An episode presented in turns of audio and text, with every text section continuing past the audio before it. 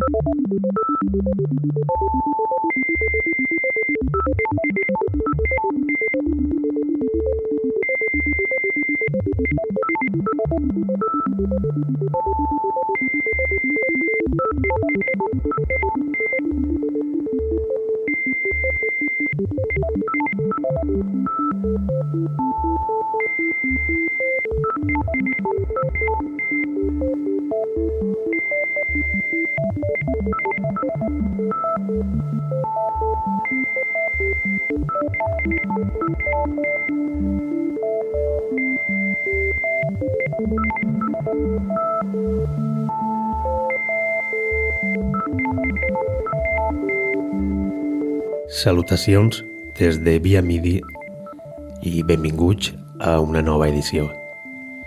Un programa, el d'avui, amb una bona dinàmica musical ben diversa, sense discriminar estils, però sempre fent més costat als sons menys habituals. Comencem.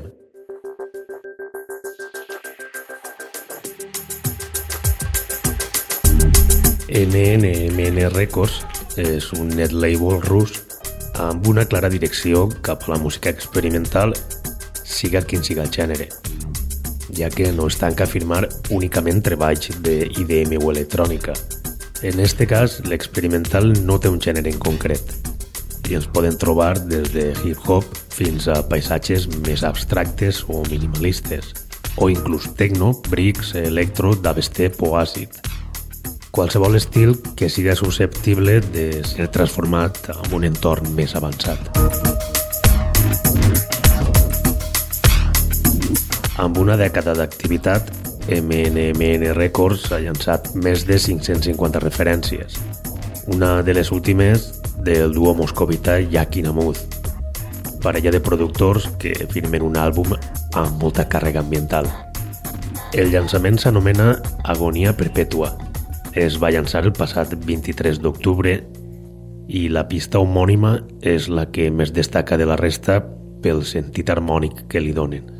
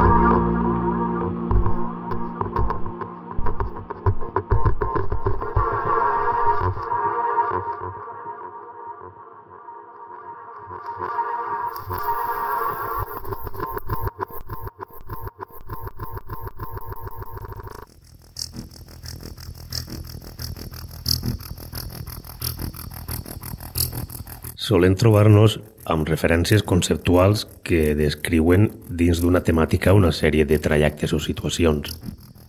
Però poques vegades trobem un treball conceptual que representa musicalment una obra literària o una història. I quan et trobes amb algun llançament d'esta envergadura, com que sols escoltar-ho més detalladament per a veure quin és el plantejament de l'artista o la idea que té sobre una obra determinada.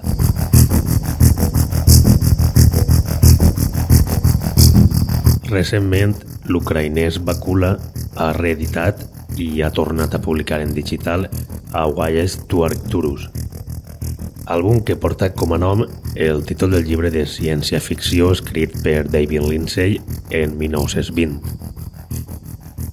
16 pistes dedicades a cadascun dels capítols com a banda sonora. El 14è episodi és Crystal Man's Empire.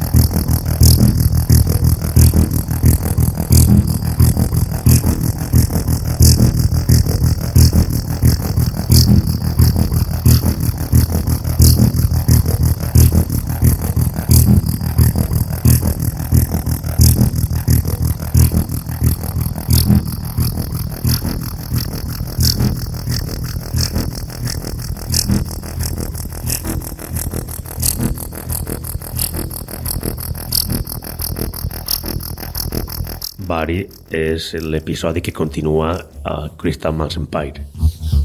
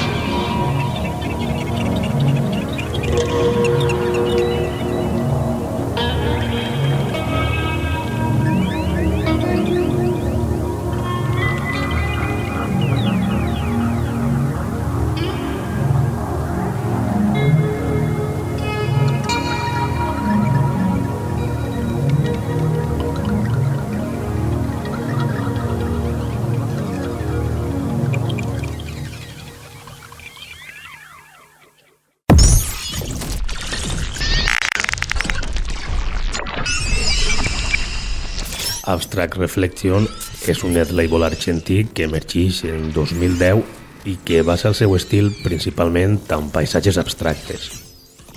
Una discogràfica que, encara que estiga situada a Sud-amèrica, compta amb un planter d'artistes majoritàriament europeu. I un d'estos productors europeus és el suís Beat Machine, responsable de l'últim treball publicat per esta plataforma. Beat Machine debuta a Abstract Reflection amb un gran àlbum anomenat Scrack Brain Material, referència publicada el passat 12 de setembre amb el qual barreja perfectament motius melòdics amb ritmes abstractes i glitch, un entramat sonor futurista molt ben aconseguit. Back un Back Semolina és la pista que obre l'àlbum.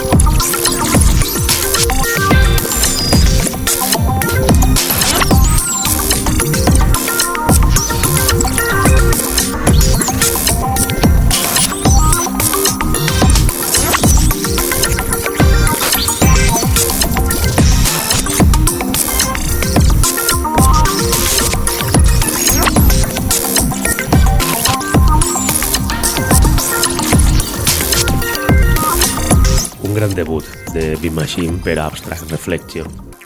Dins del catàleg del net label argentí trobem altres treballs que poden passar prou més desapercebuts, però este realment és un gran àlbum. Tecnosub és el tercer tall.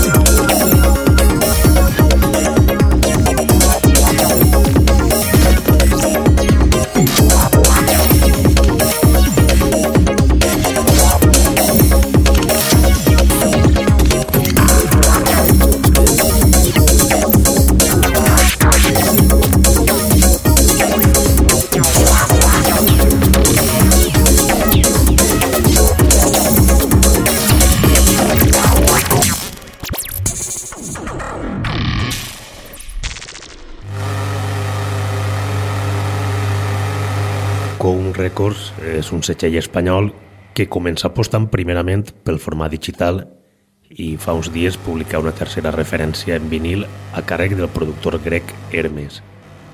Anarchon és un EP amb dos peces originals que encara que es puguen catalogar com a industrial són un detall molt diferent. Al igual que les dos remescles també modifiquen prou l'obra primària. Però ens quedem amb el tema que obri la referència. Cirrosis mental en el seu estat pur.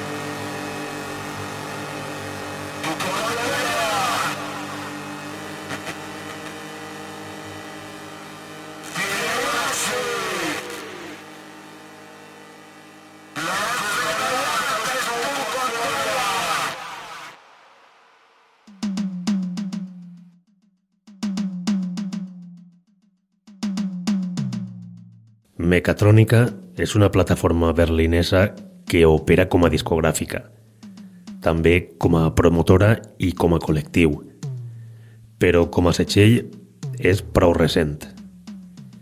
Llança una primera entrega en 2016 i a partir de 2017 i sobretot de 2018 incrementa les publicacions. Però encara que siga un projecte prou nou, es divisa una plataforma amb molt de futur i amb un gran planter. Una part d'aquest planter publica l'any passat la referència de diversos artistes de mecatrònica. Entrega en quatre pistes de diferents artistes que encapçala el britànic Death Williams amb Only Way I Know.